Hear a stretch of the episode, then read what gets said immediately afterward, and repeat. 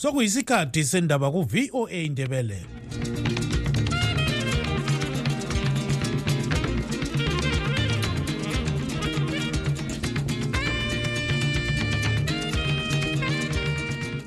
lami ngithathe leli thuba ngibonge utano nokawande obesipha indaba ngolimi lwesishona. Linga livuka njani izulu kandaba olamukela emsakazweni westudio 7 ngolwesithathu mhla ziku-31 zibandlela 2024 nguchris gande. Endabeni zethu lamhlanje sokuvele amacele amabili awebandla le-ccc elikamnumzana sengezo chabangu lingelesithathu bathi bona abasoke bavume ukuthi bekhokhelwe ngusengezo chabangu bathi bona kungangcono balandele umnumzana um u-advocate nelson jamisa oyengummeli wezengeza west edale lephalamende umnumzana job sikhala ulele endlini yakhe lemuli yakhe okwakuqala eminyakeni phose emibili. Izolo ngemva kokukhululwa ngumthethwandaba kamanje. Ujob sikhala uphumile ejele for everybody not just thina ngoba siyakwazi ukuthi ubelwela inkululeko lokuhlala kahle kwabantu bonke bezimbabwe not just i-triple c. Osaphethe isikhundla sokuba ngumongameli welizwe emnumzana kembo mohadi oyisiphathamandla sebandla lezanu p f uthi uhlupho lokusilela kwamanzi luzaphela du edolobheni lakobulawayo kungakafiki umnyaka ka-2030 leyo indaba ye-2019 um rata bangiyazi ukuthi ivela ngaphi. Ngibona engani ivela ebantwini asebebona um indiza isivuthiwe. Zonke lezi ndaba lezinye lizozizwa khonapha emsakazweni westudio 7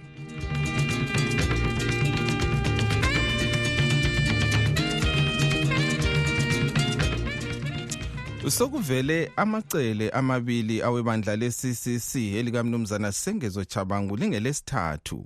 Kulexuku elikhokhelwa ngababe ngabasekeli bakamnumzana nelson chamisa abathi umnumzana welshman ncube umnumzana tendai biti lo nkosazana linet karenyi kore. Leli xuku lithi lizakhetha umkhokheli lamuhla emhlanganweni ozenzelwa eharare.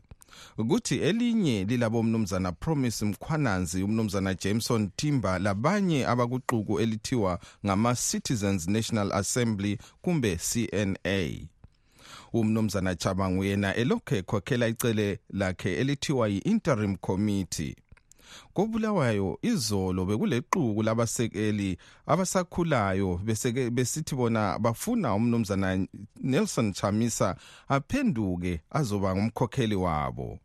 Sixoxele isikhulumeli sebandla le-ccc kobulawayo umnumzana swithan chirowoza ukuthi usungulwe ngubani? Hayi lokho angisatholanga kibo. Kodwa iningi khanya eh engingakutsho yikuthi eh imbangela eh ikuhlukuluzwa usokwenza amalunga e-Citizens Coalition for Change ngulo othiwa ngusengezo ozenza yena unobhala jikelele webandla eh le-CCC nxa bona bekhuluma bathi khona umuntu lo useyenza into eziningi ezingekho emthethweni eh uhulumende evuma nje njalo bathi bona abasoke bavume ukuthi bekhokhelwe ngusengezo chabangu bathi bona kungangcono balandele umnumzana eh, u-advocate nelson jamisa kulokuthi basebenze ngaphansi kuka-sengezo eh, chabangu ye ngithe ngizidlulela namhla emahofisini egertrude mthombeni maduzaneni lo-third avenue lapha kontuthu ziyathunqa ngabona wona ama-youth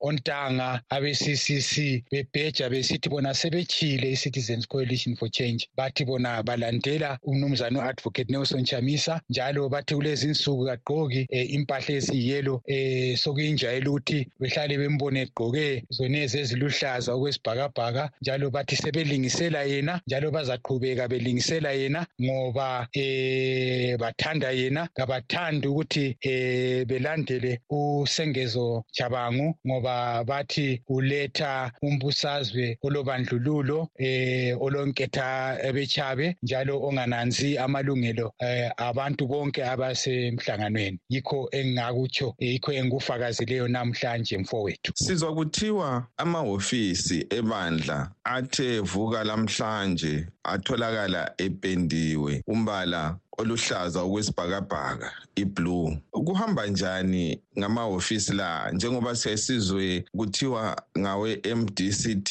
ekhokhelwa umnumzana Douglas Monzora. Hayi thina ngingatsho ukuthi eh ulwazi sibili okwakathesi eh, lufitshane. Kodwa esikwaziyo ukuthi abantu ade bebhadala ihofisi leyo eh bayazakala. Abantu ade bebhadala amanzi bebhadala eh, eh ugetsi eh abantu laba bayaziwa njalo eh awuzange kube labantu bakaMonsura ababuye ehofisini bezobhadala eh amanzi mbeni ugetsi so nxa kufunakala amabizo kutsho ukuthi sengiyathatha ke isikhathi sami ukuthi ngihambe eh lapho okwathengwa khona indlu ngikhangele ukuthi ngekabani. Kodwa engikwazi kathesi ukuthi ababhadala amanzi ababhadala ugetsi abantu abayaziwayo eh njalo bengabantu abasebenza lo mnumzane u-advocate Nelson Jamisa lo ke ngumnumzana Swithan Chiroza isikhulumeli sebandla le-CCC kobulawayo. Ubekhuluma icingweni le-studio 7 ekhonale kobulawayo. Kunjalo nje sixoxe lozithi ngumgciningcebo webandla le-CCC kuxuku elisekela umnumzana Chabangu umnumzana Mbuso Siso. Leyo indaba ye-2019 eh ratha baniyazi ukuthi ivela ngaphi ngibona engani ivela ebantwini asebebona eh imbiza isivuthiwe sebekhangelele ukuthi babuye bazokudla ikanti-ke thina hhayi besingakhangelelanga khonokho thina into kade sivele siyikhangelele ukuthi siqondise um uthamisa ayekuphambanisile ngesikhathi e-imposa abantu abakwezinye izigaba emadebeleland yikho lapho kwaba lensukela yendaba leyo manje sikhuluma nje kuyini okwenzakalayo? Umkhokheli uyakhethwa nini njalo njani? Ye umkhokheli um njengoba kube yinto nje esike lathi singayikhangelelanga ukuthi uza kuba ngumuntu othi usechiya ibandla. Kodwa-ke nxa esechiyile kakusenani you cannot hold one at ransom ukuthi hhayi ndoda kuya ngapha sizokhuluma. Of course kuyakhulunyiswana but lingabona sokwehlule kufanele kube nani? Kube le-way forward. Njalo leyo interim committee ekade vele isaziwa nangokuyazi kandeleyo i-interim committee esuke ngesikhathi kusiba lama-records. Esuke ngesikhathi kusiba lama-double candidates. Um laba asebebuye kathesi kasibazi ukuthi ngabani. Ngabantu asebelande ukuzoganga ukuzophambanisa into enhle ekade siyibumbile sa-appointa u-secretary general wethu um usengezo chabangu njengoba umbono lebeyiphethe kahle into le. Yazi yakuba kubi sokuthuthe laba um asebezibiza um ngokuthi bakuyona leyo ikhomithi baphinde bayakhetha abantu abathathu ukuthi bayekhulumela iphathi um engithi ngingaya ku-constitution eyiyo esayifaka ku-minister of local government um ku-president of senate um eparliament um lasevek bayihambelani i-constitution leyo ye manje umkhokheli lizakhetha nini? Um izahlala um i-interim standing committee. Lesinqumo njengoba kuyiyo that's the only authentic body ekhona kathesi leyo eyabe promise mkhwananzi sebengama-acting president asikwazi ukuthi uvelele ngaphi ngoba the only steering committee that formalized the party is the steering committee that I belong to and the steering committee that Sabango belong to. Uh, and leyo congress oyibozayo iza kuba khona singahlala phansi sizambiza ubaba usengeze Sabango izalandela i-constitution yokuthi simbize sizohlala laye phansi silungise lokhu okade kugobile angitsho nalapha kade phambanise khona mhlawumbe uyengwe ngabanye abantu akade esesebenza labo esechiya um laba eqale labo um leyo hearing um standing committee. Kodwa engakuthembisa khona yikuthi yebo ye icongress izakuba layo singahlala phansi. And njengoba sokulama-event ona lawa sefikile ukuthi hhayi ipresident usenjani usethile sokuzamele sihlaleni phansi sidiscusse whether we are going to have a, a electing president or sizakuba yona le i-standing committee i-interim standing committee izacontinua i-working committee. Lokho kuzahluzwa kulowo mhlangano siyazise lo mphakathi. Lo ke ngumnumzana Mbuso Siso ozithi ngumgcini ingcebo webandla le-CCC kuxuku elisekela umnumzana Sengezo Chabangu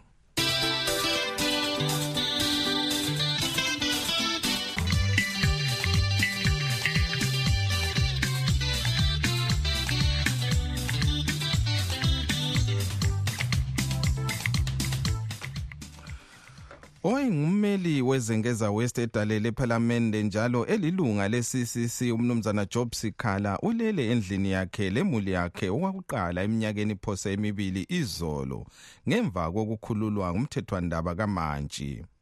Umnumzana Sikhala ufunyanwe elecala lokutshotshozela udlakela lomunye wakhe umnumzana Godfrey Sithole njalo betheswa isigwebo sokupika okweminyaka emibili. Kodwa umantshi usuke wabeka isigwebo lesi eceleni izolo esithi usikhala usehlale kwesikhathi eside evalelwe echikurubi maximum prison ngakho kumele akhululwe ndawonye losithole. Kodwa abaxwayise ubaxwayise ukuthi akumelanga badale icala elifanayo eminyakeni emihlanu elandelayo. Usikhala uphuma ejele ibandla lakhe likhanya selidabukene phakathi kulandela ukukhalala komkhokheli walo umnumzana Nelson Chamisa. Yena owazise ngeviki edlule ukuthi usephumile kubandla le-CCC untungamili nkomo estudio 7 uxoxele lunga laleli bandla umnumzana Tim Moringai into esijabulisayo namhla ukuthi uJob Sikhala uphumile ejele for everybody not just thina. Ngoba siyakwazi ukuthi ubelwela inkululeko lokuhlala kahle kwabantu bonke bezimbabwe not just i-triple c or abantu abe-opposition bonke. Siyabonga lathi ukuthi ujaji low ubone kumele ukuthi aphume ejele usikhala uphuma ngesikhathi ibandla leno ibandla lakhe le-triple c selidabukene phakathi. Ubona ngani kuzamphatha njani lokho? Eh ukuthi sokulamacele ama-triple c and whatever. Uh, uyabona into eyenzakalayo even in human uh, history ukuthi ma lingakwanisi ukukhipha the party that is ruling kuyaba lokubona oku-different from different angles. Thina okwakathesi we just wait and see ngoba sihlala ediaspora sibona ukuthi kuzaba le association enjani ngoba siyakwazi ukuthi last week ubaba uchamisa was the president of uh, triple c uh, last week eh laye waphuma wathi hayi eh usezamile ngoba into le nganithiwa isingenwe yizanu everywhere. And then eh kwaba lokuphikisana lokukhulumelana and then abanye bathi bafuna ukwenza something different abanye bafuna ukuya ngenye indlela. So hayi it is a political maturity yokuthi layo i-time iyatshintsha a lot of things. So after the dust settles i-opposition siyabe silokhu sikhona. Ukuthi sikhiphe yona le izanu p f enganithwa ibambelela izimbabwe yonke eh, a free and uh, fair way of living. So hayi hayi singazikhathazi okuningi because siyakwazi ukuthi even in families kuyaba lama-disagreements. Abanye babona ukuthi bahamba so abanye bahamba so but at the end of the day uh, the one goal is to remove zanu p f. asikakukhohlwa lokho but sizalungisana and then everything will be okay. Lo ke ngumnumzana Tim Muringai ilunga lebandla leCCC obexoxa lo ntungamili inkomo westudio 7 eseho Ohio ngapha kwelemelika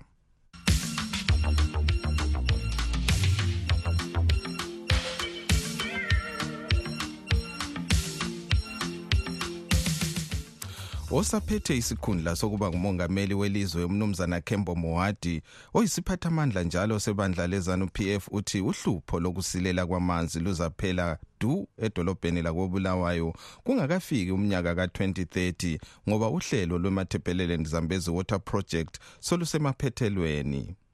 Ubekhuluma amazwi la kuthange embuthanweni wokukhankasela umnumzana Joseph Chuma owebandla lezanu PF oncintisa kukhetho lokudinga uzamela isigaba sephelandaba chabalala edale lephalamende ngomgqibelo ozayo.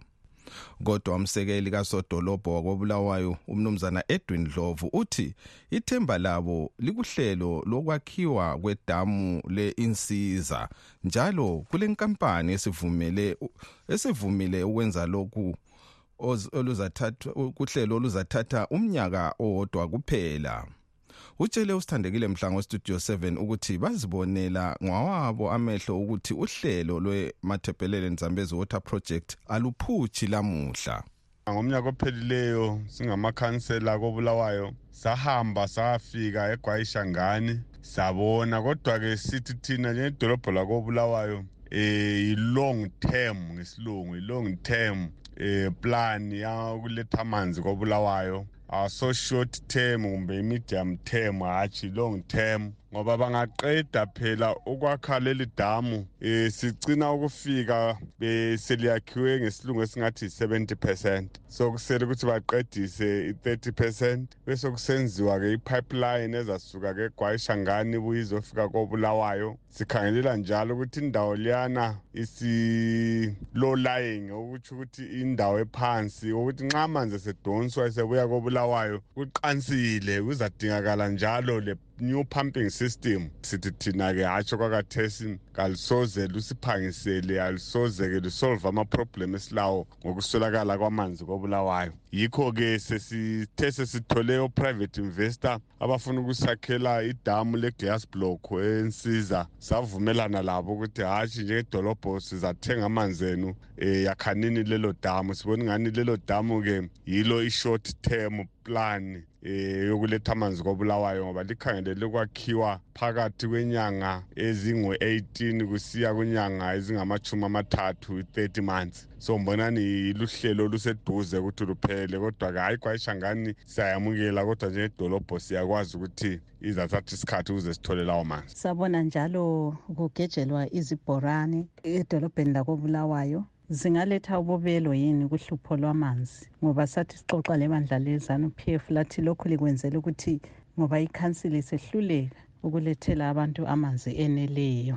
Ye uhulumende akumelanga sole ikhansili athi yehluleka ukunika izakhamizi zakobulawayo amanzi ngoba e, ngomthetho wakhe uhulumende uthi ikampani yezinwa yiyo elomlandu wokunika abantu amanzi. Ikanti ikhansili okwayo yikuthi lawo manzi nxa eselethwe izinwa yona isiwangenisa ezindlini zabantu. Yikho-ke izinwa kayikalethi-ke amanzi kobulawayo yikho akumelanga-ke kusolwe ikhansili kube umlando wekhanseli ukuthi indaba izakhamizi zingela manzi ngoba umthetho uthi zinwa yiyo kumele inike izakhamizi amanzi. Ikanti indaba yamabholu sikubiza-ke sithi thina yinani revenue water asomanzi abhadalwayo izakhamizi zibhadala ukhanseli yikho asikhuthazi-ke ukuthi kube lama-bowls amaningi edolobheni sikhuthaza ukuthi abantu bathole amanzi ezimpompini. Yikho sikhuluma ngokuthi-ke sifuna kugejwe idamu yikho sesivumelane le khampani-ke efuna ukugebha-ke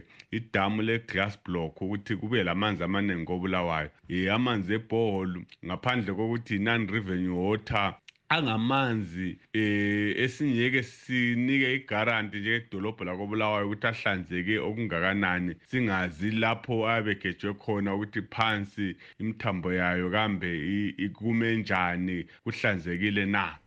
Lo-ke ngumnumzana edwin dlovu umsekeli kameya wedolobho lakobulawayo ubexoxa ecingweni losithandekile mhlanga westudio 7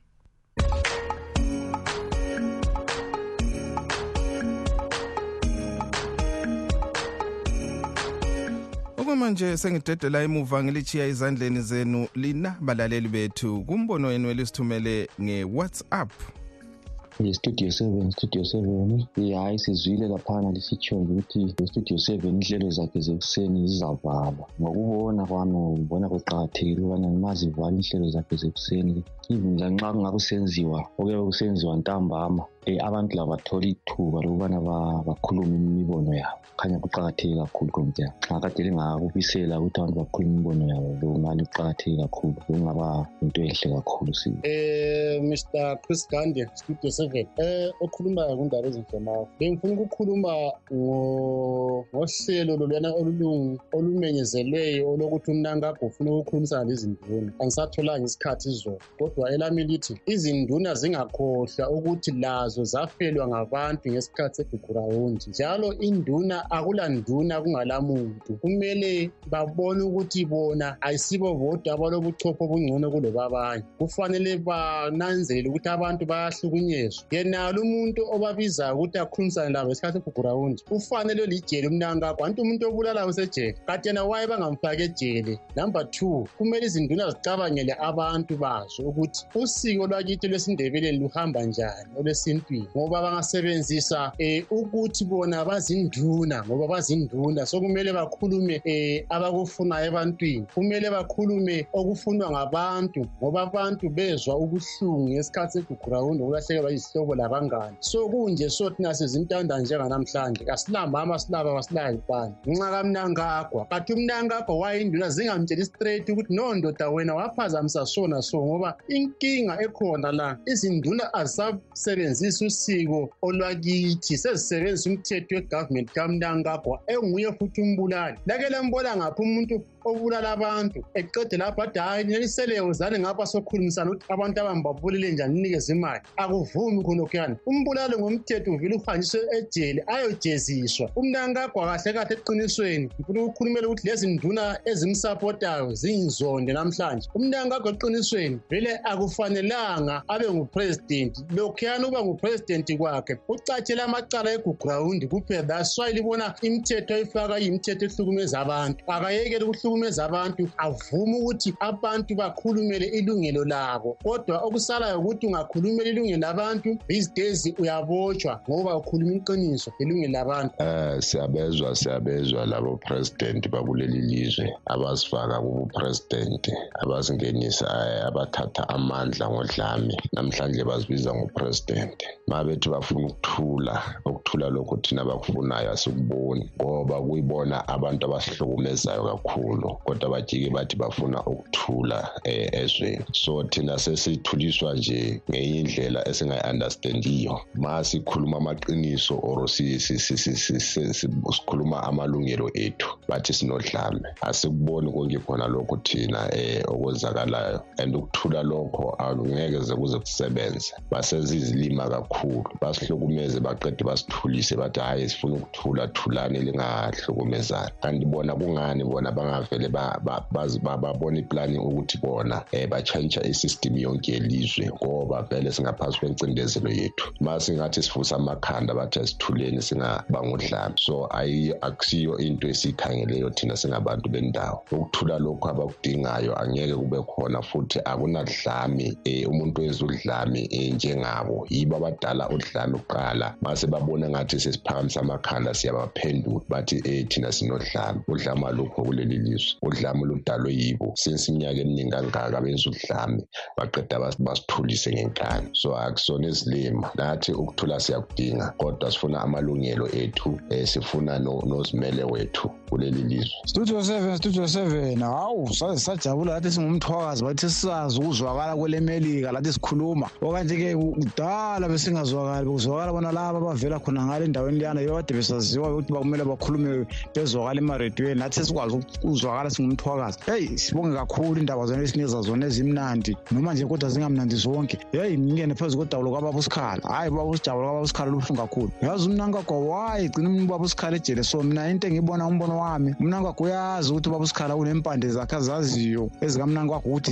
yiziphi ezimpande zakhe ezinkulu. Othi ma engamkhupha ejele uzoziquphuna impande zakhe umnankagwa lezo two njalo umnankagwa naye uyamazi ubaba usikhala ukuthi yena udangerous kanjani udangerous kanjani. Ngoba nje besebenza nje kuzombusazwe nje lo ngubhekhi nje besondelelene khona ngale. Ukuthi uyazi kule information eningi umnankagwa ayaziyo ngoba usikhala ukuthi how dangerous he? Ma engamkhupha laphana ejele lijongo sikamakepesi leli likhumbayo ngomdluli siyabonga. Sanibona sisisebe sanibona abasakazi bami abahle ithokazi omuhle bestudio seven hawu ngasenda amarekhodi nangavuli nje nawaziba ngoba sikhuluma ngezanopil izanopil sathi lutho nje bathi ngamasimba nje kuphela bashaya abantu ba-accuse abantu yonke into yabo njengegana asikuphila lokhu asikuphila especially umnakakho nalabo lokhu ngalogawula bakhe. La izintsha zabantu lezi abafuna ukushiswa lezi ntsha lezi abantu igazi labantu leli liyavuka and basazonya bazoba sesihogweni bingene studio seven bingele nabalaleli hayi bakithi um ngithanda nje ukuthi ngihlala edabeni ngibonge kakhulu ubaba washibengcube ngibonge kakhulu ubaba utenda ebithi ngokungazihlanganisi lensila ungahlanganisi le doti labantu abenza into abangayaziyo ukuthi benzani um ostock sweet labo baba laba amakhanda amakhulu opitbull face ngenxaphanxapha inxushunxushu ubuxhophoxhopho baba babenzayo ukuba lobuselesele abantu abazicabangela bodwa ubuselfish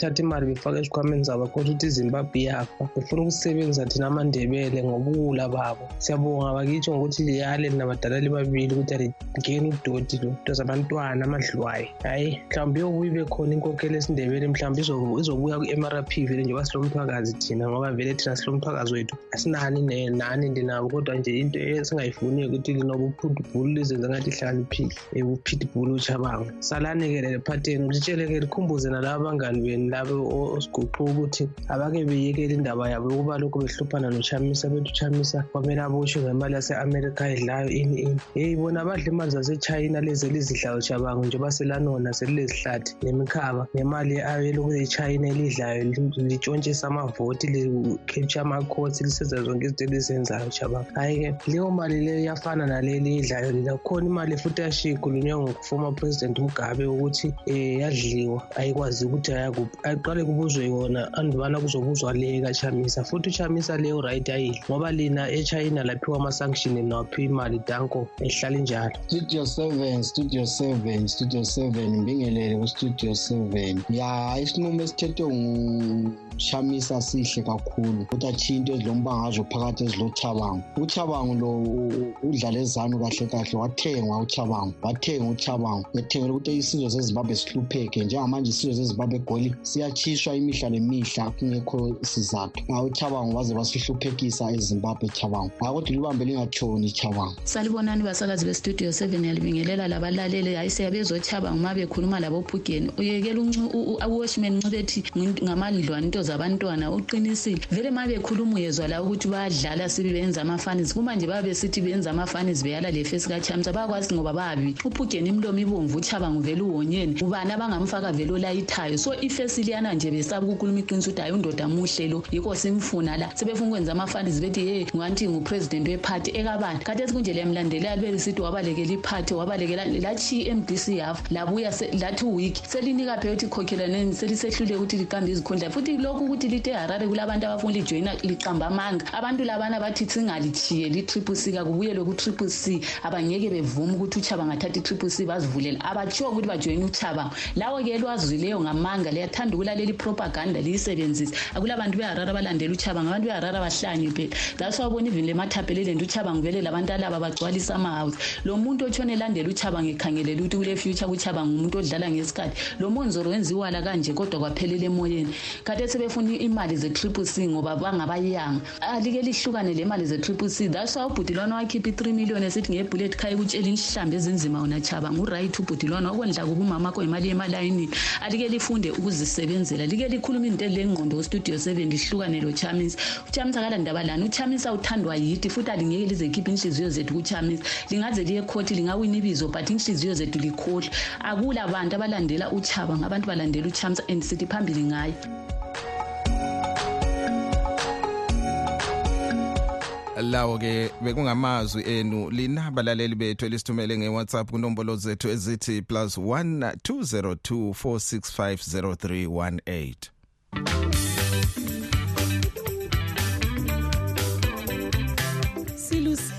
ukulazisa ukubana sesiza kuma uhlelo lwethu lwendaba zekuseni kusukisela ngenyanga ezayo ekanhlolanja. Olokugcina uhlelo lusakazwa mhla ka-9 hlolanja kodwa lingalahli themba ngoba konke elikade likulalela ekuseni likukhwabitha kuzabe lokhu ekumunyethwe kuhlelo lwezindaba zantambama ngo-half past 7 nsuku zonke. Sikhumbuzane sihlobo ukubana lanxa ungakhuthwa luhlelo lwezindaba luka-half past 7 ntambama. Ulakho ukululalela lapho soluphindwa ngo-half past 9 ntambama lango-half past 11 ebusuku. Siyalibonga ngokuqhubeka lisekela inhlelo zethu ze-studio 7 eye-voice of america. Isikhathi kasisavumi ukuba siqhubeke sisonke kodwa singakehlukani ke sikhangele ezinye zenhloko zendaba ebezikhokhela. Oh njengokutsho kwami isikhathi lokuthi siliphe ukuthi bekulani asisavumi silugqiba ke lapha uhlelo lwethu lwalamhlanje abangenelisanga ukuzwa indaba zethu lilakho kuyabulenjini ku www.voaindebele.com olevalelisayo nguChris Gande ngisithi asidibaneni njalo kusasa sikhathi sinye.